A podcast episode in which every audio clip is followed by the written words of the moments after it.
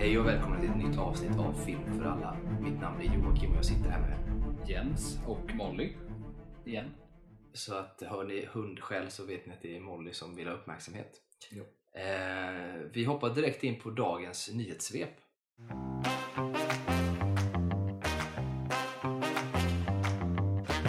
Och dagens nyhetssvep handlar ju vi har ju pratat väldigt mycket om, vi har ju haft avsnitt, vi pratat om Marvel framförallt för, för några månader sedan. Vi har hamnat väldigt mycket i, i DC för det har hänt väldigt mycket med Warner Brothers och deras DC-värld där de har då lämnat över till Peter Safran och James Gunn till att sköta hela det här DC Cinematic Universe som ska bli då med Batman och Superman och Green Lanterns och alltihop det här som vi gick igenom eh, för inte så länge sedan.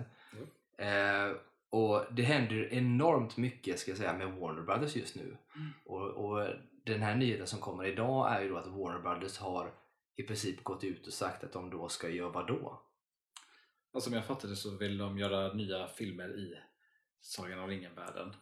Och det blir väl främst för att Warner Bros måste, de har väl rättigheterna till, vad jag vet, då Sagan om ringen-trilogin och The Hobbit, eller ja, The Hobbit-boken blir det ju då. Eh, så det är väl mest fokus kring det antar jag. Ja, jag tror att de har, jag tror att de har det och jag tror även att de har eh, alltså delar av annat också.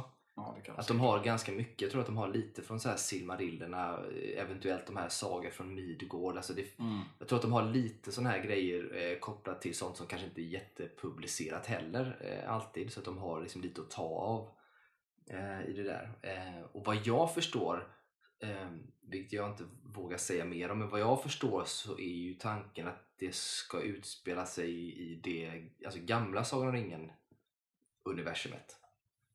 Eh, Alltså att det ska Som- som bygga på det som är Jackson. gjort redan? ja, Ja, okej. att det är Peter Jacksons universum som ska vara liksom grunden för det och det är därifrån man då bygger. Jag vågar inte säga att det är 100% säkert men med, med tanke på hur de, hur de vill göra, för de jämförde det med Star Wars franchise, att det är Mm. så de vill göra och där finns det då de gamla filmerna som Ja. de kopplar på resten och att det är det det skulle handla om. Så jag tror inte det handlar om att göra remakes eh, på saker och ting utan mer kanske så här eh, ja, jag vet inte, man kanske castar en ung Aragorn alltså, och, och kör innan Sagan om ringen händer.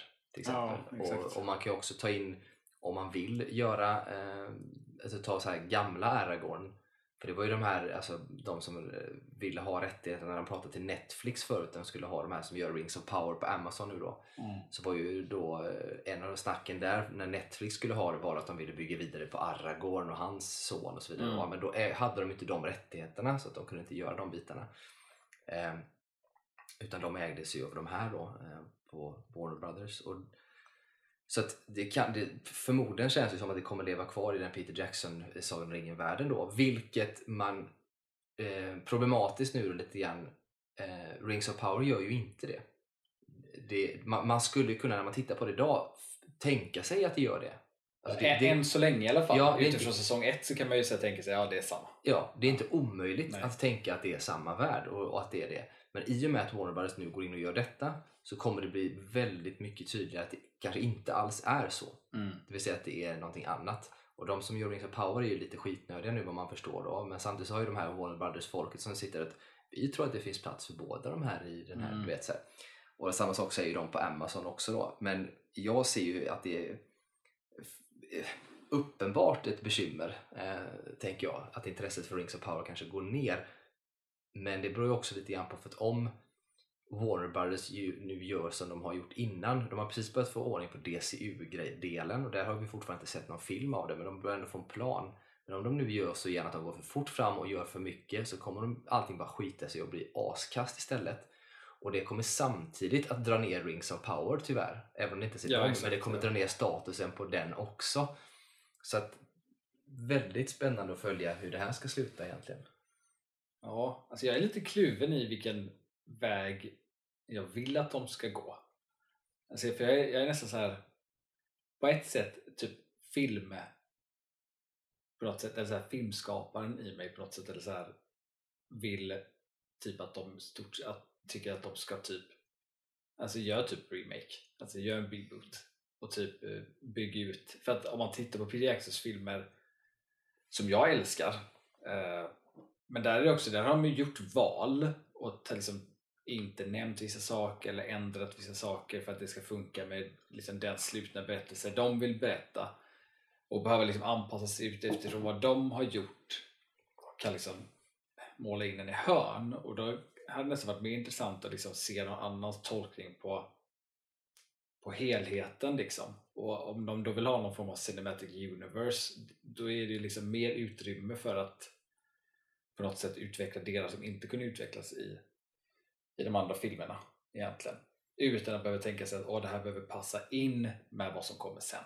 Mm. Om det nu är så, någonting som är ja, före sen, eller efter ja, nej, men så är det såklart. Sen får man också se då att eh, eller för och nackdel kan man diskutera i och för sig men i och med att Sagan om ringen-filmerna, alltså de tre första som gjordes i princip är världens dyraste i princip independent-filmer. Ja, det kommer det inte vara i det här fallet vilket gör att du helt plötsligt har, eh, kan bygga ut på ett annat sätt. Det ser man ju redan i Hobbit-trilogin Ja. som gör sen att det där är det ju mer, det kan ju vara på ont och gott, jag tycker ändå att de gör det rätt väl i dem men eh, man har ju större möjligheter nu. Jag själv också, jag är också kluven, jag ju, vet inte riktigt vad jag vill att de ska göra. Jag vill ju då inte att man gör reboot eller remakes på dem utan jag tycker att de får vara som de är. Det är lite så här att de är fortfarande så mycket kult eh, liksom, status.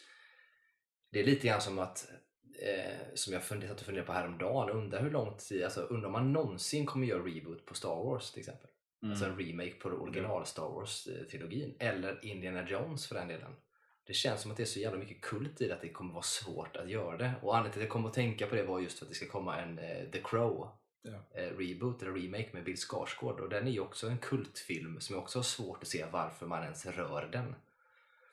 Ehm, men vi får, så, vi får se. Det är alltid svenskar som spelar i lite sådana här känsliga. Du har ju. Robocop som också är en Ja. kultfilm som spelas då med, med, med, med Kinnaman i. Ja. Och sen så har du då Bill Skarsgård som gör The Crow. Och det, det gick inte bra för Kinnaman. Det gick, har gått lite bättre desto efter då men, men eh, den, den var ju inte jättebra.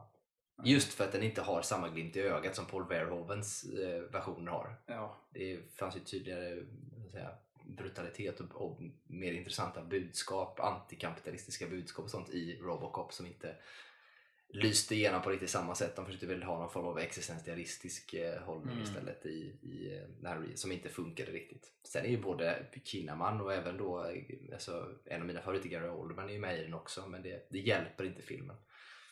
Men eh, i Sagan om ringen-delen, alltså, jag vet inte vad jag vill se. Alltså, det för att man tänker, ska man göra en prequel? Ja, men prequel gjordes ju med Hobbit-trilogin. Där har vi ju en prequel i princip till det. Eh, sen finns det ju ett glapp mellan de här trilogierna som man kan göra saker i. Eh, om det sen ska vara film eller tv-serie, det vet jag inte. Eh, att man följer en ung Aragorn eller vad som helst. Om man nu vill lyfta in det. För jag tror ändå att de kommer behöva ha med och tänker att de behöver ha med kanske karaktärer man älskar också för att det ska vara intressant. Ja, alltså det, det, det är lite det är lite det om man det är också varför jag tror typ Star Wars inte liksom gått så bra som de har velat typ speciellt sequel-trilogin. För det, det blir på något sätt att, att bara utgå från att liksom att man, att man bygger på hela tiden. Att Mm. man liksom så är man fast i en vision som någon har liksom redan startat. Eh, för det är som även om då om man tar den här Rings of Power som inte som, som ändå känns tycker jag visuellt så tycker jag att man ser att de har tänkt på Peter Jacksons filmer. Ja. Att det ska kännas som det. Ja, det är väldigt mycket. Ja. Vilket då på något sätt liksom tar bort lite det kreativa att, att, att försöka tolka det på sitt eget sätt. Man försöker förhålla sig till någonting hela tiden. Jag förstår vad du menar och det är ju lite grann för att jag menar, man kan ju ha olika regissörer som gör sin grej och får sin vision. Sen att det, att det måste se likadant ut. det- Visst, det måste du göra det om det ska utspela sig i samma värld. Alltså typ rustningar, allt sånt måste ju se likadant ut. Men sen hur, hur, hur filmfotot är och hur vissa saker, det kan man ju tycka att man kan gå ifrån lite. Det kan man ju göra som man vill. Ja, och sådär. Så det finns ju, och det där är ju svårt och i det här, alltså de ska göra de här Sagan om ringen igen då, vad de än gör eh, så kommer ju de få hitta anpassningar. De behöver ju också ha då, precis som de har i DCU nu och i, i Marvel, att någon som har koll ovanifrån. Ja. Och vem ska vara den experten? Jag antar att de kommer ta hjälp av, av the Tolkien Estate, alltså eh, Christopher Tolkien till exempel, Ja. där som då är inne och, och kan och, och har ett övergripande kanske seende på det eller något sätt. Eller eventuellt att de kanske har en Peter Jackson som är inne och en Filippa Boyens då som är hans eh, Mm. medkompanjon där som kanske då ser och förstår sambanden mellan saker och ting och har koll. Annars tycker jag ju personligen då att kanske Christopher Lee hade varit asbra att ha där men han är ju tyvärr eh, inte vid liv. Så att, ja, det, det, det där är svårt. Jag vet som sagt inte själv vad jag vill, vad jag vill se. För det var lite grann när man började göra Star Wars, jag vet att man hörde att Star Wars skulle göras nytt, alltså när det bara fanns första trilogin. Eh, när jag hade hört talas om det någon gång i, i mitten på 90-talet. Så för att eh, Phantom Menace som kom släpptes 99 tror jag. Mm. Eh, där jag gick på premiären 12 på kvällen var asmäktigt. Eh, men då eh, blev det så här, okej prequel och då blev jag, jag ska inte säga besviken men jag hade lite så här svårt, jag är inte så intresserad, alltså det har alltid varit där, jag är inte så intresserad av vad som hände innan. Jag är ju, det är ju lite grann för att man kanske har de här karaktärerna som man är så fäst vid och det är de man vill se utvecklas Mm. och gå vidare då. Va? Och det tyvärr sabbas ju också i sequel-trilogin sen eh, överlag. Men, men eh, sen så blev det ändå så att det- prequel-trilogin den har ju växt på många idag som var yngre som såg den. Så den har ju blivit kult den också. Och idag så tycker jag ju själv att den är jag tyckte inte att det var jättedåligt då heller. Jag älskar ju dem på det sättet men jag tyckte inte att de hade riktigt samma magi. Men idag så ty- har de ändå något. Alltså de har ändå något i sig liksom. Ja. Och framförallt så är ju castingen av både alltså Qui-Gon med Liam Neeson men framförallt Ewan McGregor som Obi-Wan är ju klockren liksom. Eh, men jag vet inte vad jag vill se i Sagan ringen. Vill jag se någonting som är jättelångt innan, lite grann som i Rings of Power? Eller vill jag se någonting som är efter? Jag har ju alltid känt att det finns jättemycket att berätta och massa cool lore och mytologi kring det. Men det tänker jag att det är, så här, det är mycket roligare att, att prata om det och veta om hur det är utanför den här loren. Men jag vet inte om jag har så mycket jag vill veta. Jo, jag har saker jag vill veta. Vad händer med de blå trollkarlarna till exempel? Hur ser det ut på, på östsidan som vi typ Ja. aldrig har fått se? Men problemet med det är att det finns inte så mycket beskrivet i vare sig böcker eller någonting om detta. Vilket gör att då skulle det bara bli rent påhitt från ett nytt alltså, Ja. perspektiv, nytt huvud och inte tolkens vision eller någonting. Och då blir det också lite att man tappar intresset för det. Att det är inte heller jätteintressant samtidigt som man skulle vilja se det men ändå inte. Nej, så att, ja, jag vet inte. Man är, ju, man är ju lite dum i huvudet så man kommer ju förmodligen se allt ändå. Så det Ja, ju. det kommer man göra. Jag tänker också rent så här varför jag tror att jag lutar lite mer mot att jag vill att de ska liksom göra om helt och hållet. Och det behöver inte ens vara egentligen att jag tänker så här att ah, nu gör de om Sagan om ringen på en gång. Utan det kan lika väl vara att de om de gjorde en serie till exempel, att de, att de bara berättar lite innan Sagan om ringen sen kommer någonting som är under den berättelsen av liksom Sagan om ringen. Det behöver liksom inte vara att man gör just remakes och gör en trilogi på det sättet.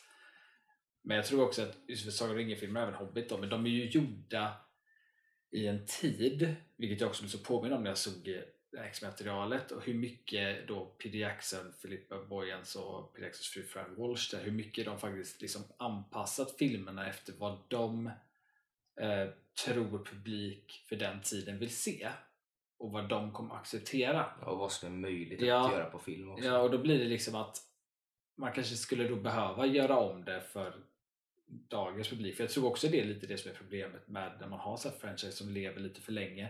Alltså att folk har det går liksom, det är omöjligt på något sätt att göra folk från tidigare nöjda med det som kommer sen om man bara bygger på det. Det är ju typ Star Wars eviga problem på något sätt. Mm, så att, Det ska bli intressant att höra vad de vad deras för- planer är. ha för planer och ja, jag, som sagt, men det är ju inte första gången de försöker sig på någonting. Eh, och när man äntligen känt att de kanske ändå kanske lyckas få till någonting med, med det här DCU och eh, ska hoppa in direkt i någonting annat innan de har sett konsekvenserna Ja. och om det ens funkar med DCU-biten hur det går så är, känns det lite vanskligt. Ja.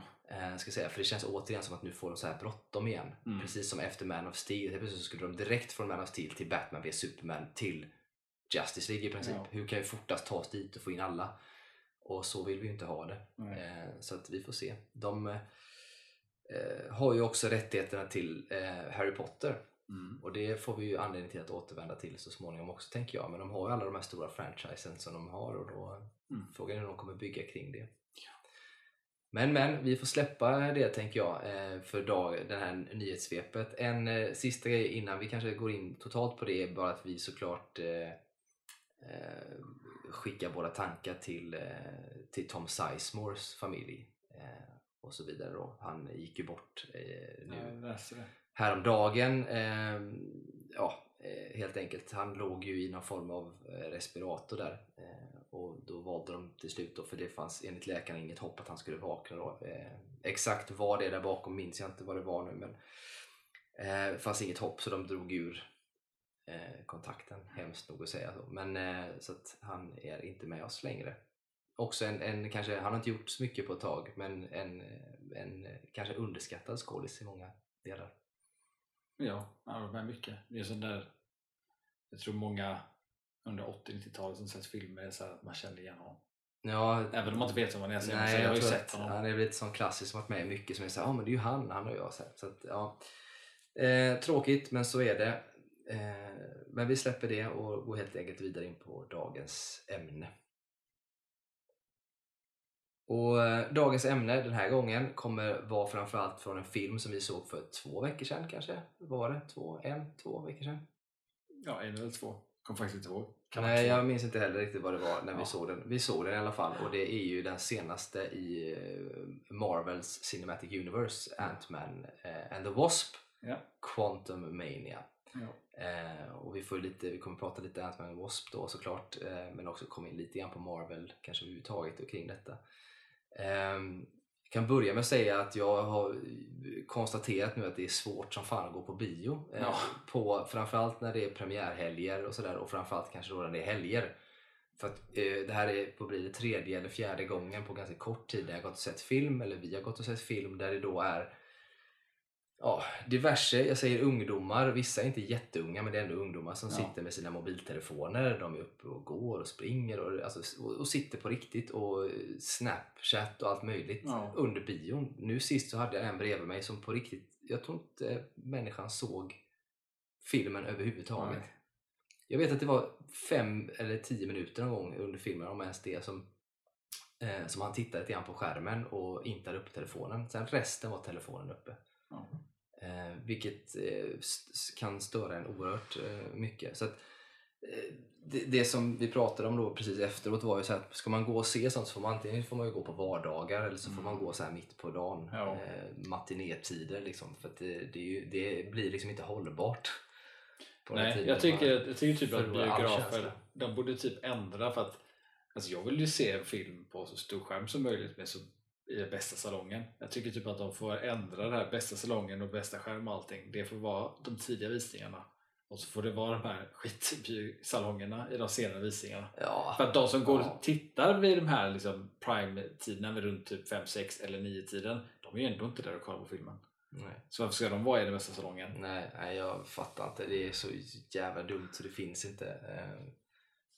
Så att, nej, den, det är hopplöst. Eh, Tyvärr tar det ju bort från liksom upplevelsen av filmen. Ja, det gör ju det tyvärr. Man, det, är lite grann det här som man vanligtvis ser som är så skönt när man går på bio. Det är att du ganska snabbt liksom blir omsluten och, och hamnar i vad man kan kalla för en annan värld. Du sugs ju liksom in i film Ja. och får en upplevelse. Men de senaste gångerna nu så, så tas man ur det så jäkla fort för att folk tar upp sina telefoner och håller på. Eh, och en jävla massa som ska gå upp och gå på toa eller vad de nu gör hela tiden. Och sådana som kommer gå in och sätter sig för att ganska direkt eh, liksom resa. De sitter typ i mitten på en rad. Och de kommer in Ja. lite sent, går in Ja. och sätter sig, väntar någon minut, sen går de ut Ja. igen och nu sist var de, gick de ut, sen kom de tillbaka för då hade de köpt popcorn och sånt. Alltså, var, varför inte bara göra allting från början? Jag förstår liksom inte hur folk funkar. Nej. Jag tänker mig att det här, det här måste ju vara så här. Jag tänker mig att det har med pandemin att göra. För många av de här ungdomarna kanske inte gick på bio så mycket innan pandemin. De kanske gick med sina föräldrar och sånt då. Så de har liksom inte koll på hur man går på bio. Ja men det känns ju som att det är, för det är ju verkligen efter pandemin som det bara har blivit helt Ja, det är totalt korkat. Så jag, just nu så känner jag att jag kommer inte fixa att gå på de tiderna. Det, det, funkar inte, tyvärr. Eh, så det ska man ha med sig när man pratar om upplevelsen av film. Och jag, jag blir lite grann så att jag behöver ju se om Eh, ja, framförallt behöver jag se om den här kanske igen, alltså Ant-Man då. Jag behöver ju framförallt se om Wakanda Forever också. För Mm. att det var också en film som man störde sig i. Och nu har ju inte jag tyckt, eh, spoiler alert då på den här, men jag har inte tyckt att den här är särskilt bra heller. Men jag vet inte hur mycket det påverkat mig att det inte blir en bra upplevelse Ja. heller. Så att det blir liksom lite orättvist i det hela. Ehm, ja, så det var bara min, liksom, jag ville raljera lite Mm. Kring de här jävla ungarna. Och, och de, ni unga som lyssnar nu, skärp er på bion. Inga jävla telefoner uppe. Eh, liksom, håll er liksom, lugna, sitt inte och prata med varandra. Sitt och fnatt, liksom, köp popcorn i tid. Ja, men gå in på bio så titta på filmen liksom. ja. Gör det som man är där för. Ja. Och ni som är lite äldre som har barn som går på bio själva, prata med dem hur man sköter sig på en biograf. Ja. Det vill säga, du ska inte sitta... Jag, jag, säger, jag håller verkligen inte med Sara Larsson som gick ut och sa att man på bio går man för att uppleva människor. Ska man kunna sitta och prata med varandra och skratta högt och hålla på och liksom, i princip leva rövare? Bara, nej, så är det inte. Jag tycker att det är jättestor vikt att man kan se det tillsammans med andra när man upplever det gemensamt för att stämningen blir på ett annat sätt och man, man, man får liksom förhöjd känslomässighet i det. Ja. Men, och, och, men det betyder inte att man måste sitta och prata med varandra och det är den upplevelsen man är ute efter utan det här är någonting man inte kan ta på, energier som man får när man gemensamt tittar på det. Inte för att man ska sitta och, och prata under bion hela tiden och hålla på och störa och såna grejer. va. Så att eh, Sara Larsson, lägg av med sånt. Det är bara korkat. Tänk att hon är en orsak till de här jävla ungdomarna också som bara, men hon tycker att det är okej. Fuck it, det är inte okej. Eh, och ni då som är föräldrar som sagt, prata med era barn att de får skärpa sig. Tänker jag. Men vi släpper den eh, eh raljansen som jag haft nu eh, och går in på själva filmen i sig. Jag är inte jätteimponerad. Vad var dina intryck? Och, eh, först och främst precis när vi såg den och hur har det liksom nu känts när det kanske landat lite då? Alltså jag, jag tyckte, alltså jag gillar ju Ant-Man-filmerna. Och jag vet att det är stor del av liksom Marvel-fans som ofta tycker att Ant-Man-filmerna är, är de svaga filmerna. Mm. Jag ska säga att jag tycker också att filmerna är bra. Inte den här men Ja. de andra. Och eh, den här Ant-Man-filmen var väl den var nog inte riktigt det jag förväntade mig att det skulle vara. För att det var så mycket prat från liksom, eh, regissörer och sånt om att liksom, det skulle vara en liksom, Avengers level film, vilket jag inte tycker att det var. Um, däremot tycker jag att den var rätt underhållande. Jag tyckte liksom att det, det var liksom, jag gillar ju att se Paul Rudd i den rollen. Um, jag gillar liksom det visuella, jag gillar det här liksom microverse-grejen, eller quantumverse med alla de här skumma varelserna och allt det, det liksom knäppa runt omkring. Men den gick, jag vet inte, filmen på något sätt, den, den gick inte dit jag trodde den skulle gå. Uh, liksom slutade, den, den rundade av sig mer än vad jag trodde den skulle göra. Jag trodde det skulle vara mer av ett typ men om man typ tänker på, så End, eller på eh, Infinity War så det slutar verkligen så här. vad händer sen? Jag trodde att Ant-Man-filmen skulle vara mer sån, Mm. vilket den inte var. Det var ju lite så i slutet, men De inte så löser mycket. ju, ja, men de löser, de, nej, det, filmen i sig är ju, är ju inte riktigt så, men de löser det ju i post credits. Ja, Liksom. Vilket är, ja. men så att, eh, men sen så tycker jag liksom, jag vet inte, alltså jag har läst lite grann så vad folk tycker eh, om den. Alltså publik i allmänhet verkar ju tycka att den var rätt underhållande. Mm. mer eh, recensenter och kritiker som inte varit så imponerade. Jag vet inte riktigt vissa saker jag läser men jag håller med om det. Typ som att folk, ett, ett, en kritiker hörde var att så här, att filmen inte vet vem som är eh, man säga, huvudkaraktär. Eh, och att det liksom sviker typ vad, vad Ant-Man är, bla bla bla. Och jag kan hålla med om att, att det inte finns en tydlig huvudkaraktär kanske i sig. Mer än att jag tycker att det känns mest som att det handlar om Ant-Man och hans relation till hans dotter då.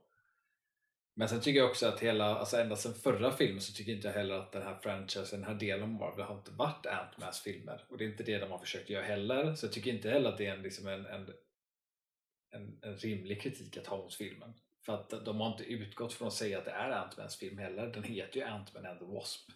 Liksom. Eh, så att jag, jag tror att folk kanske ska gått in med vad de trott att det ska handla om och inte gjort. Eh, men den kändes för lite, vad ska man säga, riktningslös kanske lite grann. Mm. Eh, mer än vad jag trodde just eftersom att jag hade hört dem prata så mycket om vad den skulle vara. Typ. Men som bara, om, jag, om jag bara tittar på den utifrån att så här, nu ser jag den för vad den är bara själv och inte vad den typ ska betyda för sen eller vad, den, vad som hände innan så tycker jag ändå att det var liksom en, kul film med roliga underhållande liksom, element i den. Eh, sen tror jag eventuellt att det kan vara så att den filmen blir bättre sen. Alltså utifrån vad vi får se sen. Att det kanske visar sig att, ah, okej, okay, det var bättre. Speciellt beroende på hur, för main villain då, Kang, om, nu blir det spoiler då, men om han dyker upp igen eller inte, just den versionen av Kang. Ja. För jag tyckte den versionen av Kang tyckte jag var väldigt intressant. Uh, och jag skulle vilja se den Kang dyka upp igen just det, som att han så som han presenteras i filmen så är han ju liksom, han är ett hot mot våra hjältar men han är också ett hot mot våra hjältars fiender. Och därför tycker jag att han ja. kan vara väldigt intressant att ha tillbaka igen. Så dyker han upp igen så har liksom Ant-Man, då har den filmen en så mycket större poäng. Precis som de andra Ant-Man-filmerna alltid haft. Att de har känts lite så här lelösa men sen när det filmen efteråt verkar oj det hade en poäng. Ja nej men precis, nej jag håller med eh, i den biten. Så det kan ju, det kan, den kan ju växa i, i det perspektivet. Som film är den ju, alltså som film är så att den är kanske inte lika dålig som en film som skulle få en etta på en skala. Nu har vi en 10-gradig skala så, som vi har bytt till. Men om vi skulle titta på en sån så, så finns det ju riktigt jävla dåliga filmer och det kanske inte platsar in här men jag menar, det är klart att det är en sån här underhållande liksom actiongrej så men det är lite grann som jag tycker att man har saknat i princip i hela liksom den här Face, vad är de, fyra nu eh, de är inne i. Eh, ja nu är det Face 5 Ja, de börjar med Face 5 med den nu i och för sig men hela Face 4 och Face 5 som varit nu med undantaget då för kanske Spiderman och, och så. Men eh, så tycker jag att det, det, saknas på något sätt ett djup i filmerna hela tiden. I, i, I förra så fanns det ändå någon form av allvar och djup och någonting som det hela tiden strävar emot och där, där är vi ju inte än, än, ännu. Och säga, så att all, allting de gör känns ju ganska... Allting är lite disconnected. Av, av... För förut i Face 1-3 så var det ju alltid att vi hade ju alltid Avengers-filmerna där det, här, det var alltid att karaktärer vi följer möts. Det har vi inte haft i Phase 4. Det har inte varit att de möts på något sätt och behöver nej, gå samman. Och, jag tror att, och det har ju typ Kevin Feige nämnt att de aktivt valt att göra så. Ja, och jag äh. förstår det, för ja. det är svårt att följa samma koncept en gång till för det blir, då blir det en tråkig förväntan på det. Samtidigt så är det så enormt mycket som bara spretar åt alla jävla ja. möjliga håll och man har fortfarande inte eh, benämnt eller lyft problemet med det här som händer i Eternals där det finns, händer någonting som borde ha nämnts någonstans i det här ja. eh, som inte görs då. En ganska stor sak som händer på jorden liksom, som är så här, ingen i princip har liksom nämnt det. Det lyfts inte alls.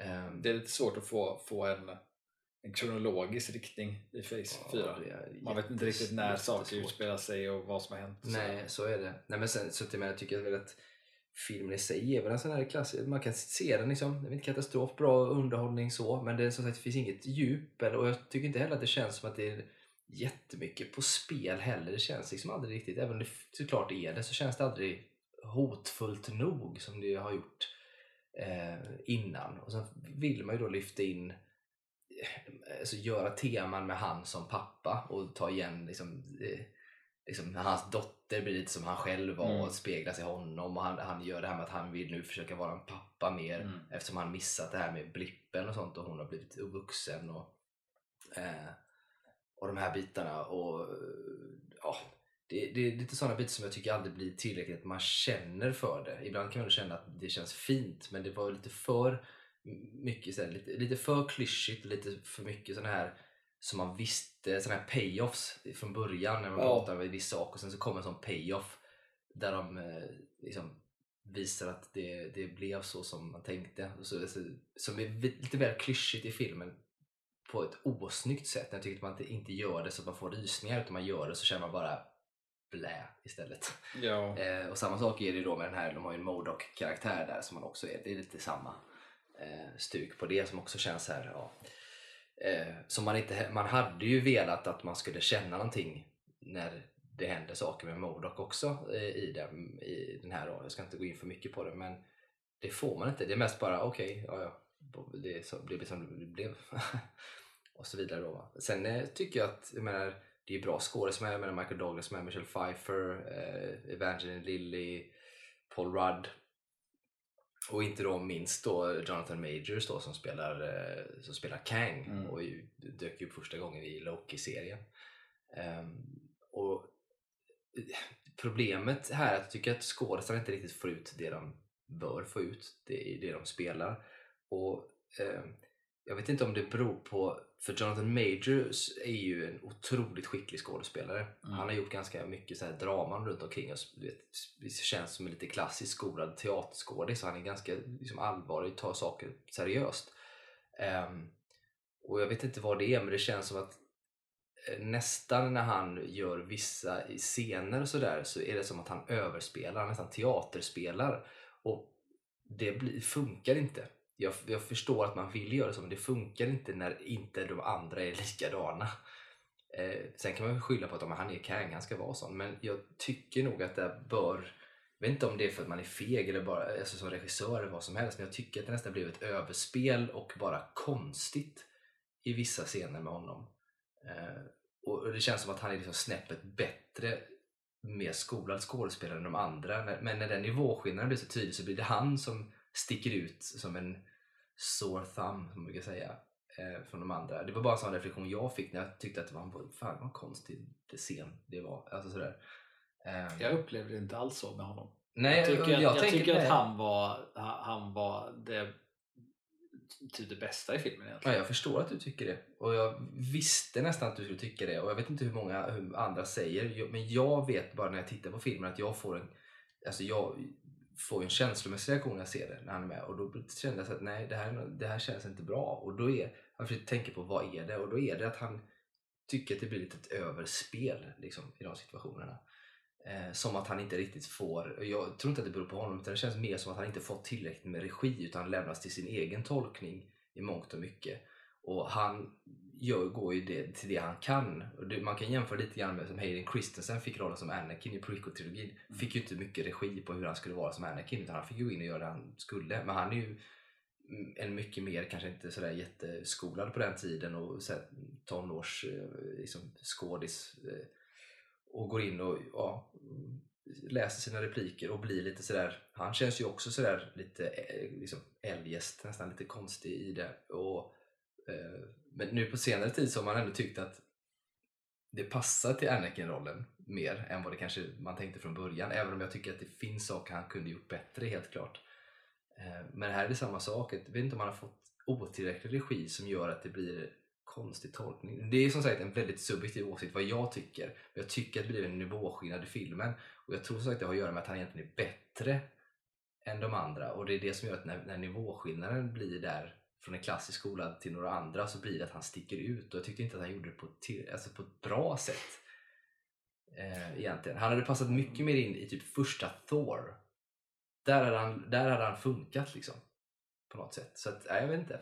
Det var lite sådana eh, saker och att den var eh, rätt klyschig och ville ha djupa teman som aldrig blev riktigt djupa. Och, ja, och sen att de hade lovat massa då kring att det skulle bli som en Avengers level film med det här liksom stora, pampiga och eh, liksom mycket action. Visst, det är klart att det är det. Eh, men sen har de sådana här karaktärer som är runt omkring som man också tänker att man ska känna saker för. Mm. Men som jag tycker att man inte heller riktigt vare sig lär känna eller känner särskilt mycket för.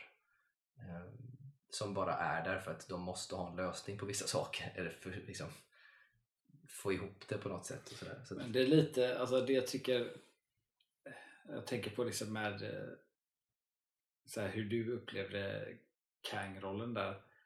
För någonting jag tänkte på när jag såg filmen var att jag tyckte i, i kanske, ja typ om man räknar akt 1 och 2 typ när det var eh, scen med, med eh, Ant-Man och Kang tillsammans så tyckte jag att det var lite så man säga, lite forcerade scener på något sätt eh, och att jag upplevde det lite mer som att det hade på något sätt att göra med karaktärerna att, att Ant-Man eller Paul Rudds Ant-Man är ju, har ju liksom varit en comic relief. Mm, eh, och att han är det och, så är han det liksom den typen av karaktär är han i scener med Kang och Kang är totalt tvärtom från det. Han är allting liksom, han har ett mål, han är seriös, han ska vara hotfull och allt det där. Och då ty- tyckte jag att det var lite som att det var en viss disconnect mellan de två som skådespelare men jag tyckte att den disconnecten för mig försvann i akt 3 speciellt på slutet när Ant-Man eh, gör liksom sina val och han, och han blir mer seriös i typ slutfighten där. Där tyckte jag att, att det kändes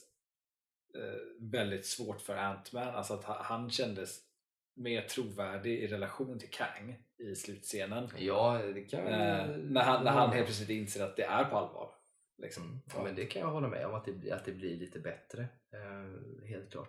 Sen är det vissa saker där som jag tycker, för att han framstår, Kang är ju en komplex karaktär och coolt. Man hade ju gärna, det som jag hade velat ha mer av egentligen, mer av Kang Ja. i den. Och mer av förstå vem han egentligen och det kanske kommer då så småningom mer av, av det. Men man hade ju velat ha ännu mer av det så att man ja, kan förstå lite mer än vad man får göra i filmen kring det. För att han är ganska intressant och det finns nog mycket att plocka av. Just, framförallt just den här iterationen av Kang. För det finns ju mängder av Kangs eh, och just den här hade man velat veta lite mer om. För att det man får, får reda på om honom i den här, tror jag, och det här är bara min personliga tolkning, är, är inte nödvändigtvis kanske den hela sanningen som Nej. har blivit tolkad Nej. av Michelle Pfeiffers karaktär framförallt i det hela. Eh, eftersom då det visar sig sen att han är ett hot för inte, ja framförallt för andra Kangs tydligen. Ehm, och sådär. Men sen tycker jag också det var svårt för att han är ju supermäktig och du vet, löser saker hur lätt som helst. Därför blir jag lite så här konfunderad att det ändå är relativt lätt i slutet sen. Ja men det är lite Eh, där- därför, där det var därför den gick åt ett håll jag inte tänkte att den skulle. För jag, alltså utifrån vad jag, vad jag visste om Kang och vad de hade pratat om så förväntade jag mig att det skulle sluta på samma sätt. Ja, för att han är ju, alltså när man pratar, han är ju egentligen ett större hot på många sätt än vad typ Thanos var. Ja. Och, och han, bes- när, när de, alltså i princip så når de inte ens till att kunna slå honom i princip här. Vilket man till och med gjorde med Thanos till viss del, kunde i alla fall komma fram och försöka. Um, men så jag tycker det blir så konstigt att Ant-Man bara Ja, lite spoiler alert då, men han gör sig stor och sen så lyckas han ändå ta sig. Alltså, det är relativt lättlöst. eh, sen på något sätt. Och att, och att Kang helt plötsligt ser när han är stor och blir lite orolig där. Försvara nu så här, men du kan ju gå ut själv och bara knäppa med fingrarna så har du löst. För det såg vi ju förut. Så jag hängde inte riktigt med i den, det blir för fort man inte riktigt förstår vilken nivå han ligger på. Eh, Ja, alltså jag tyckte att för mig, jag förstår precis vad du menar med hans nivå där. För att jag tyckte, alltså när Ant-Man blir stor där, det tyckte jag, för mig funkar det. För det var det, där för mig kändes det mer som en, en, en, också en, en perfekt anledning till varför Ant-Man eventuellt kan vara ett hot mot Kang. Just för att Ant-Man, att, att han liksom bortser honom lite grann. Han är inte beredd på vad Ant-Man ska göra. Typ. Så när han just blir stor, hela den sekvensen tycker jag funkar, att han inte var beredd på det.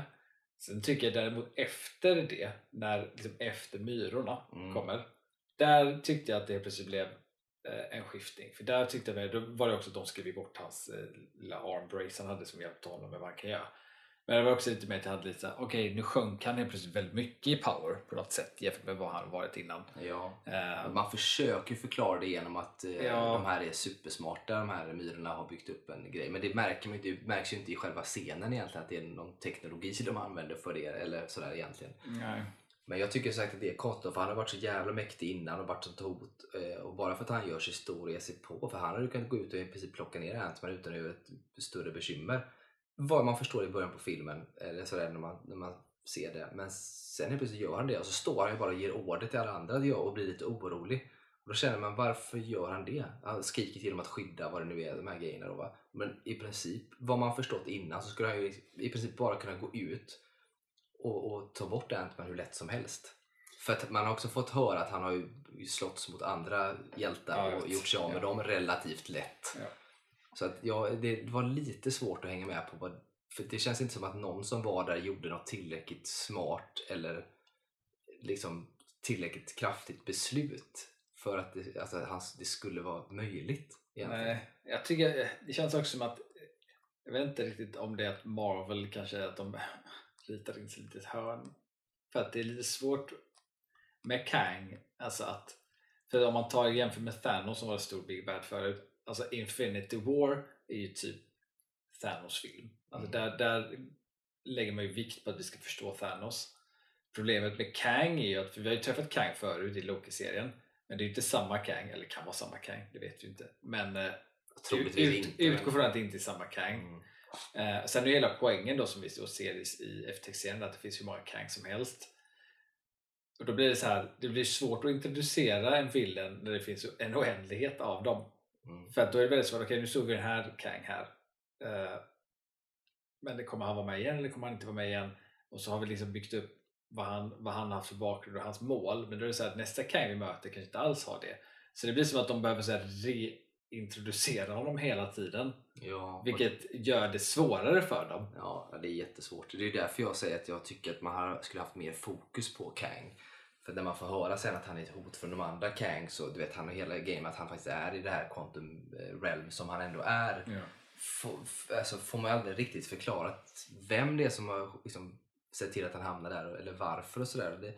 Jag tänker att det hade varit mycket mer liksom, djup och mycket mer intressant om man fått lite mer bakgrund till det. Det hade inte behövts att huvudkaraktärerna, alltså the, the good guys, hade fått veta varför. Men vi som biopublik Ja. hade behövt lite mer kött på benen där.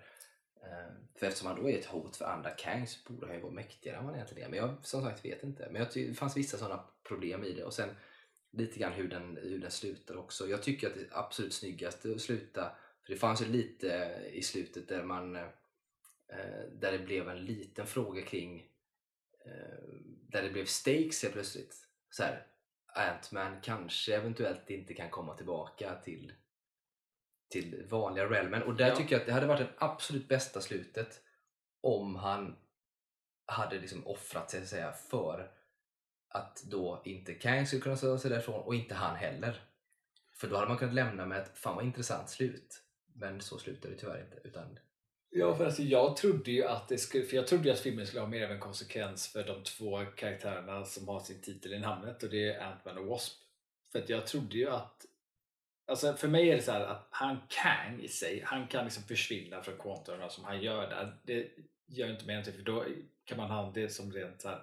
Han kan man då ifall man vill ta tillbaka på ett annat sätt och sånt. Så han kan liksom det som händer honom för mig kan hända honom. Men jag trodde att Ant-Man och The Wasp skulle vara fast. Det trodde jag att de skulle jag, vara. jag hoppades ju på att Ant-Man, att, att, att Ant-Man själv skulle vara fast. Sen om Ant- Wasp också kan vara det fine. Men jag hoppades inte på att det skulle vara Ant-Man just för att det skulle bli så jobbigt att Mm. han är helt själv och de är utanför varandra. Och sen så kom mitt nästa hopp då när det visade sig att hon också kom dit. Vad blir nästa del? Okej, de är fast. Och då tänkte jag, okej, det är ju ändå något i det. Sen blir det inte ens det i Alltså det. jag, och funderar, då känner jag att jag, tror till och med att de, jag tror till och med att de faktiskt egentligen var tänkt att vara fast. Ja, det För att när de, alltså det enda vi ser är att de tar sig ut i att det öppnar sig upp Mm. igen och så klipper vi till vår liksom, värld igen. Det, för mig kändes som att det är någonting som de är så här, i efterhand att de la dit. Ja, det är inte omöjligt. För jag kändes så tydligt, både egentligen logiskt om man ska tänka så filmmässigt och även dramaturgiskt som att det hade varit rätta att göra så. Ja. Man var helt övertygad. Därför jag blev så jätteförvånad och det som också gjorde att filmen också dippade rätt mycket för mig för att den inte slutade tillräckligt. Det liksom blev inte bra. Och det som vi sa, att det blev lite för mycket en film bara Mm. som fick ett typ avslut Mm. och att det liksom är som det. Och det är ju precis det man inte ville ha. Och jag ville just för att jag hade kunnat ha lite mer, om det hade slutat så så hade allt annat kring eh, de här liksom, lite halvjobbiga klyschorna med hans dotter och den betydelsen som de gör när de bondar under filmen Mm. hade haft mycket större konsekvenser och varit viktigare om de hade gjort ett sånt slut istället för att lösa det. Och då hade jag nästan tyckt att resten av filmen kanske hade varit bättre. Så det är sen, det är sen små nyanser som jag tror hade gjort det bättre för mig när jag såg den. Men det som sagt höll inte riktigt. Nej, jag hade ju nog, jag hade också velat ha det så. Samtidigt kan jag också se att de kanske eventuellt inte vill göra det för att då gör man typ samma sak med Ant-Man. Alltså att han, han, han försvann ju och sen dök upp igen. Och då blir det samma sak. Men eh, jag, jag tycker att det hade känts bättre i alla fall. Uh, Ja, och just att man hade då kunnat förklara det på att det är alltså, som att det är så jävla svårt. Och på ett sätt hade det kunnat vara lite fin rytmik i det med att sist han försvann så visst det gick inte så lång tid och så vidare då, va, i verkliga, eller för honom, men i verkliga världen så gjorde det och sådär. Men det hade också blivit en, en fin så här rytmik, så här poetiskt eh, eh, rhyme, rimmande i att Michelle Pfeiffers karaktär har gjort det och det, nu blir det hans tur att hamna i ett sånt läge. Liksom, och, Samtidigt så är det, jag kan ändå också, alltså, om, man, om man utgår från vad de har gjort innan så är det så också att de borde inte kunna vara fast ändå. Alltså eftersom att man har ju visat att de kan ta sig ner dit och tillbaka. Så här, en, en anledning till varför jag ville att han skulle vara, vara kvar där var för hela den här grejen med myrorna som de presenterade in där. mm. Eh, för då tänkte jag bara i mitt huvud så att ja, vad coolt det hade varit om han och, och Wasp var fast där och så hade de myrorna och så liksom på något sätt skapar de en relation där och liksom får liksom, bygger upp någonting där med varandra, liksom en, en, ett bond typ. Och så då när vi kommer till Kang Dynasty och Avengers-filmerna så har liksom Ant-Man och Wasp de har liksom en backup med sig som, som man kanske inte var beredd på. För att eftersom det är out of space and time så blir inte det heller någonting som man kan då, eftersom att Kang är en, varelse av tid, så blir det ju då, om det är utanför tid, så kan inte han vara helt beredd på vad som kommer därifrån. Så där har man liksom haft Ace typ up. Liksom Avengers hade haft Ace up their sleeve på något sätt som de inte hade varit beredda på. Eh, Mm. Men så blir det inte. Nej, ja, jag tycker att det, det finns... Ja, som sagt, jag var inte jätteimponerad av den här. Eh, så. Det har inte varit det sista av någon. Jag tycker ingen tyvärr har hållit eh, av de Men om jag, typ, om jag ska jämföra så här um, jag tar Thor 4, Strange 2, Wakanda 2 eller Black Panther 2 och uh, Ant-Man and the Wasp 3 där. Mm. Så av dem som har varit de här större filmerna så skulle jag nog välja om jag var tvungen att välja en av dem idag och kolla på så hade jag valt Ant-Man-filmen tror jag. För att Mm. jag tyckte att den var lite, den var lite mer underhållande. Den var lite, lite, lite mer så äventyrlig.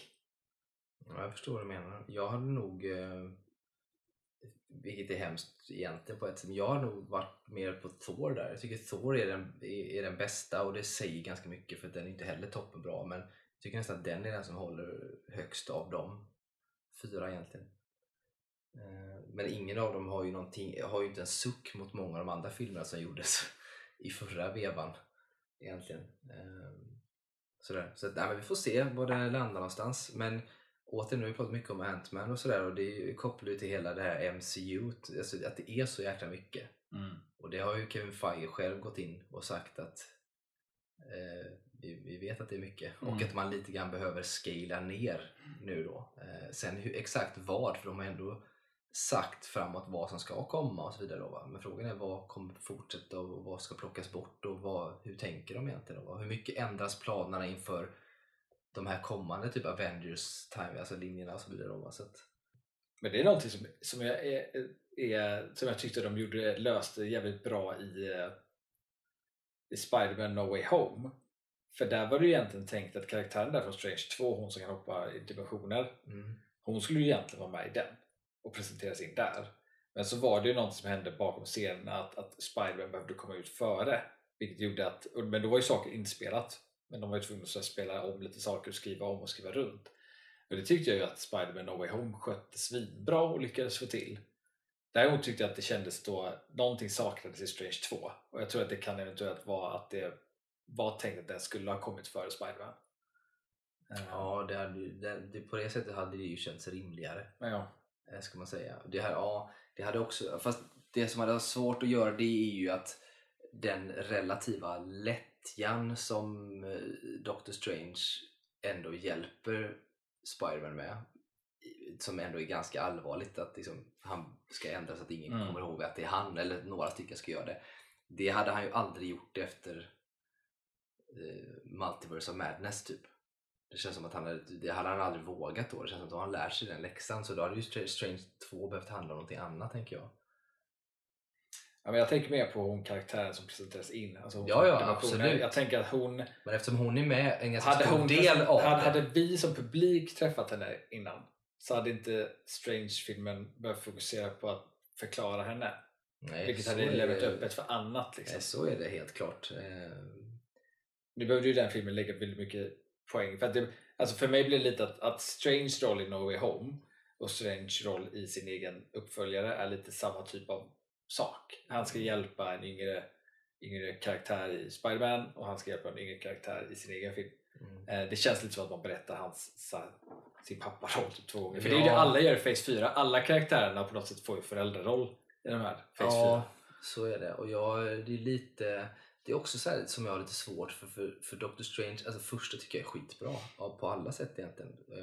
Den känns väldigt lite Marvel också. Den känns Mm. lite mer DC i sitt stuk, men den tycker jag är bra. Och sen karaktären är bra i, i Avengers och sånt också är med. Men grejen med han är att han är så allvarlig ändå Mm. och, och, och allvarsam och ser saker på ett ganska allvarligt sätt till att sen bli nästan lite reckless i mångt och mycket. Så det är också så här att man inte, inte riktigt samma karaktär alltid. Det är lite för inkonsekvent i, i ett beteende. Sen så förstår jag att man kan ha karaktärsutveckling och så vidare. Men jag tycker att det, är lite svårt att hänga med på vem är egentligen Doctor Strange? Hur, hur är han? Ja. Det är lite samma sak som jag har haft problem med Thor också. När det hoppar från att han, hans komiska sida är ju att han är så allvarsam och gör roliga saker så att folk reagerar på honom. Men inte att han själv är komikern och drar massa one-liners. Mm. Men det, och det försökte man väl lite grann skala tillbaka i fyran kanske sådär. Och det fick ju kritik efter fyran också att det var lite för mycket sånt. Vilket jag tycker är en film för sent egentligen då. För jag tycker att det var mest i, i trean. Eh, och sådär. Men eh,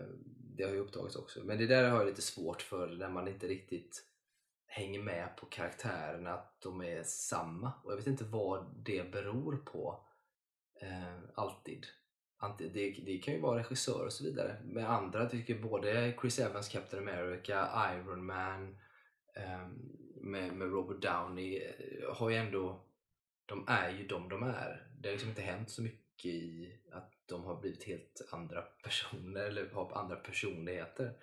Så att, nej, det där kan jag ha lite svårt för ibland som också är egentligen. Men vi får se vad som händer med Marvel eh, framöver, tänker Mm. jag. Det, det finns ju egentligen det finns ju mängder av intressanta saker som kan komma men det jag eh, bara så här, nu ser fram emot mest där som ligger relativt nära i tid är ju Daredevil-serien. 20 Ja. avsnitt eller vad fan det ska Ja. Men den, den är väl den som jag ändå tycker kan bli eh, intressant. Ska jag säga. Men inte om du har någon sån som du liksom direkt tänker att det här ser jag fram emot. Så Jag försöker tänka, det är så jävla många projekt de har igång. Ja, och anledningen till att jag ser fram emot den är också lite grann för jag tänker mig att den skalar tillbaka lite och kör lite mer jordnära. Eh, och kanske inte, den kommer ju säkert koppla på resten också. Eh, som händer i hela Cinematic Universe. Kanske. Det har inte gjort hittills i någon men det kanske gör det i den då för det är många avsnitt. Eh, Jag tror det är typ två, två projekt som jag ändå ser fram emot. Eh, och ett är det här, eh, vad heter den? Heter Secret Wars, den serien. ja, den Nick skulle Fury. Den ska bli intressant att se. Ehm, för det är också mer såhär, ja, Sam, Samuel Jackson är alltid kul att se. Men eh, lite mer, där är det också mycket såhär, man vet inte vad det kommer riktigt handla om. Men det, också, det finns mycket potential med alla att man kan ändra liksom hur de ser ut. Där kan vi helt plötsligt få reda på att liksom, oj, det har inte varit Nick Fury länge eller någonting sånt där. Liksom. Så det kan vara kul att se. Men sen också är jag ändå rätt eh, exalterad för just eh, den Marvels som kommer. Uppföljaren till Captain Marvel. För att det blir ju den första filmen egentligen där vi faktiskt eh, får någon form av så här ihopsättning av karaktärer från olika delar. Och just att det är olika delar i deras här nya från fas 4. Det är ändå liksom, det är Captain Marvel som har haft en film och varit med i Endgame liksom, och Avengers. Och så har vi ju två karaktärer som presenteras i varsin serie. Ena då är hon Rambo Mm. och så är det ju Miss Marvel. Så där får vi faktiskt se karaktärer från olika delar på riktigt mötas och eh, att de ska göra någonting. Eh, och sen hörde jag att, den, att, att de är rätt imponerade av vad som har hänt med den filmen. Eh, och att, Mm. den, att den är, är, verkar som att de tycker själva att den har blivit rätt bra. Och att den funkar Jag rätt bra. hoppas ju det. Jag hoppas ju verkligen att den, att den är bra.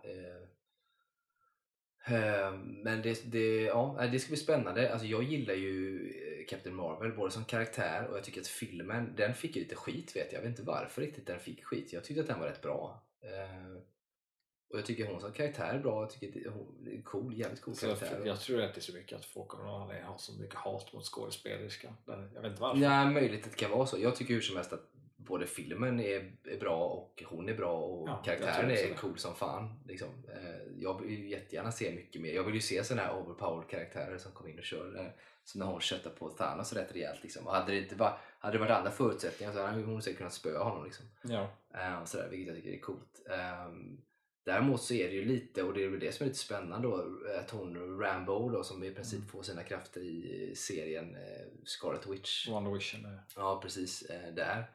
Eh, ska ju bli spännande att se hur, hur de... Det är lite skumt hur de får de krafterna, men det ska bli spännande att se hur det ter sig Ja. och vad de krafterna faktiskt kan göra mer än vad man har sett hittills. Eh, eh, så det ska bli kul. Sen tyckte jag ju att den serien med hon, den här unga då, Miss Marvel, inte var jättebra kanske. Ehm, och det är en jävligt skum kraft. Det är ju som, det är som en Green Lantern-kraft. Eh, på det sättet.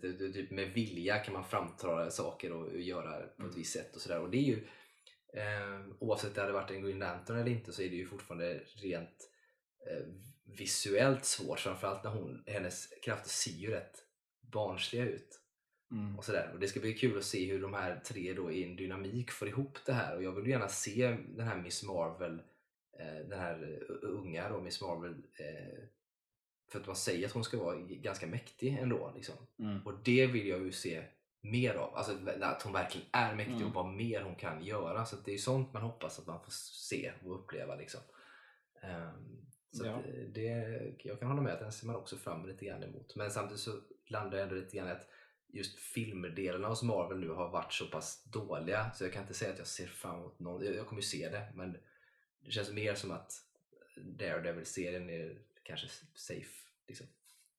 Det känns också som att Miss Marvel, som jag tänkt på här, att det blir också första gången vi ser när de tar in element från olika saker de har presenterat in under eh, tidigare fas och fas 4 där att de har det, rymden och ute där med Captain Marvel. De har liksom någon som representerar jorden med Rambo och det som liksom är jordnära och sen så har man eh, Miss Marvel som man introducerar med andra dimensioner i hennes serie. Och det känns som det här med andra dimensioner det är någonting de eh, vill lägga lite mer fokus på. Speciellt också kopplat till typ Quantum Realm att det är olika det finns olika fickor av världar också.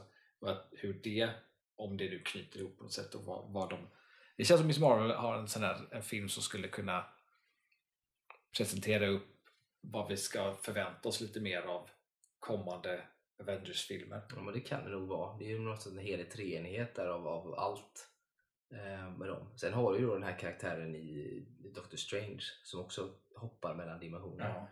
Eh, som också kan kopplas in där. För det, som också blir intressant. För det, jag, det blir så intressant att se just dynamiken mellan hon då, Miss Marvel och den karaktären i Doctor Strange som jag kommer ihåg hon heter nu. För de har inte likartade krafter men de, vissa saker kanske de kan göra gemensamt. Frågan är, alltså man blir så nyfiken på hur all dynamik kommer vara mellan de här karaktärerna ibland. Som kommer med alla egentligen.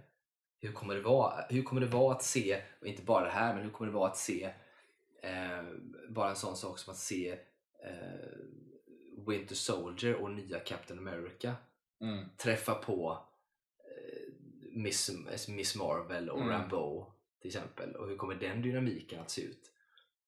Men det är också, jag, jag är också lite intresserad av för att ja, hon, från Strange, där hennes, hennes kraft där, det är ju så här, att hoppa från universum till universum. mm, Det som är intressant är kopplat till typ hennes kraft och typ om man då tar Quantum Realm så tar man Miss Marvels med den här att hon, eller hennes bakgrund från en annan dimension där. Det, det jag undrar lite när det är den dimensionen där, där de finns, där hennes släktingar är ifrån och man tar Quantum Realm. Finns det sådana dimensioner i alla universum mm. eller är de separerat, liksom se- separerat från det också så att det finns bara ett Quantum Realm Mm. där alla hamnar om man åker till det. Och det finns den här dimensionen där hennes släktingar är ifrån. Är det bara en extra dimension som finns någonstans och den är frånkopplad? Eh, För allt det skapar ju också liksom vad det innebär egentligen för ultimata hot mot Kang.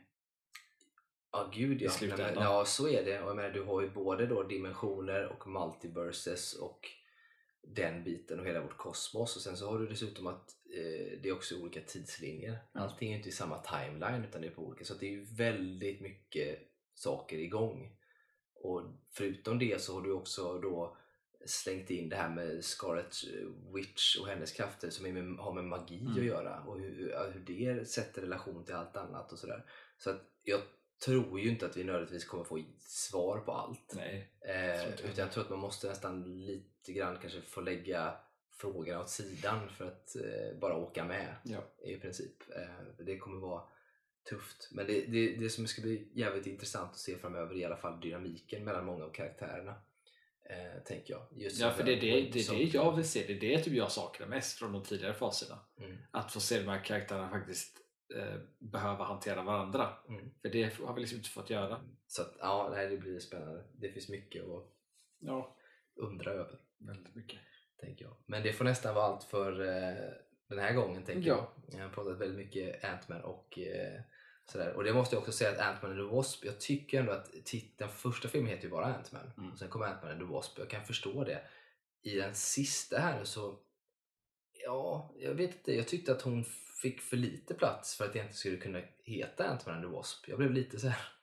Ja, hon, Wasp är, Att är ju med vad- väldigt lite. Ja, för jag var lite såhär, varför heter den ens det? Om hon, alltså, för hon är inte ens med. Alltså så mycket egentligen. Och det tyckte jag på ett sätt är dumt. För jag tycker nästan att hon är med mer i liksom första än sista. Liksom, sådär. Ja, alltså hon tar ju mer plats som karaktär i första och andra än vad i tredje.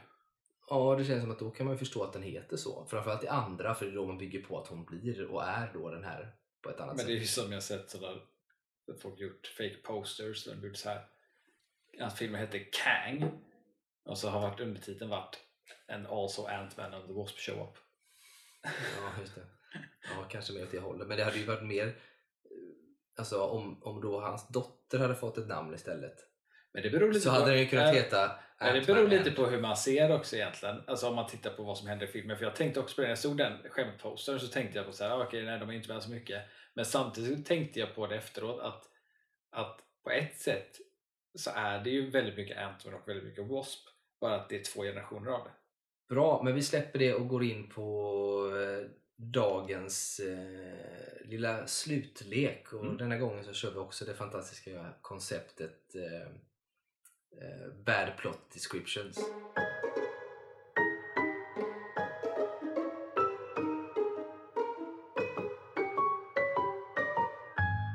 Dåliga förklaringar på film. Vi kör eh, tre relativt snabba här då, så får vi se om vi lyckas ta dem då. Den första är kort. Okej. Och det är en serie naps. Men när du säger en serie, du, menar du att Ja, det, det, är är, en det, serie? nej, det är en serie. I filmen så är det en serie. det är en, men det är en film? Ja, Ah, ja. det är, liksom en det är serie. inte en tv-serie? Nej, det, det är en serie, film och så är det serie av En serie av tupplurar. Alltså det, det sker ett antal Okej. tupplurar i den här filmen. Okej, jag tror jag tycker det. Ja, vilken är det? Inception. Jajamän. Inception. A series of naps. Det var deras förklaring. Men, eh, Okej, den här då. Jag vet inte om jag har tagit den här. Jag tror inte jag har det. En eh, pappa får återfå kontakten med en förlorad son och vill att han ska ta över familje, the family business, familjeföretaget kan man säga. Gick tanken till Return of the Jedi? Ja, du är rätt, rätt eh, värd med fel film. Rätt värld med fel film. Mm. Ja, det är Empire Strikes Back. Ja. Vilket Ja, är just det, liksom... han säger ju där Ja men det är liksom, han säger Ja, det såhär, come with me with Ja, på den ja, eh, ja, grejen är. Ja. Så, men sen är det nu mer klockan för Return of the Jedi för där ställs det ju på sin spets så att säga. Men det var alltså helt enkelt Star Wars. Ja. Darth Vader och Luke helt Mm. enkelt. Okej, sista då. En ung pojke upptäcker att eh, ha hårt, eh, något hårt i handen kan leda till alla möjliga typer av magi. Harry Potter. Jajamän. Den engelska description på den här är A young boy discovers that having hard wood in your hand can lead to all sorts of magic. Eh, det går liksom inte att översätta Nej. alltså hård, hårt trä blir liksom inte samma eh, konnotation på svenska därför blev att ha någonting hårt i handen. Så att, eh, ja. Bra, Mm. det var allt för denna gången. Hoppas ni hängde med där hemma. Men vi hörs igen nästa vecka helt enkelt. Och då tror jag faktiskt att vi kanske inte vi kanske kommer tangera lite Harry Potter nästa vecka. Mm. Eh, så att eh, tuna in då så hörs vi. Ha det så fint så länge. Ha det bra.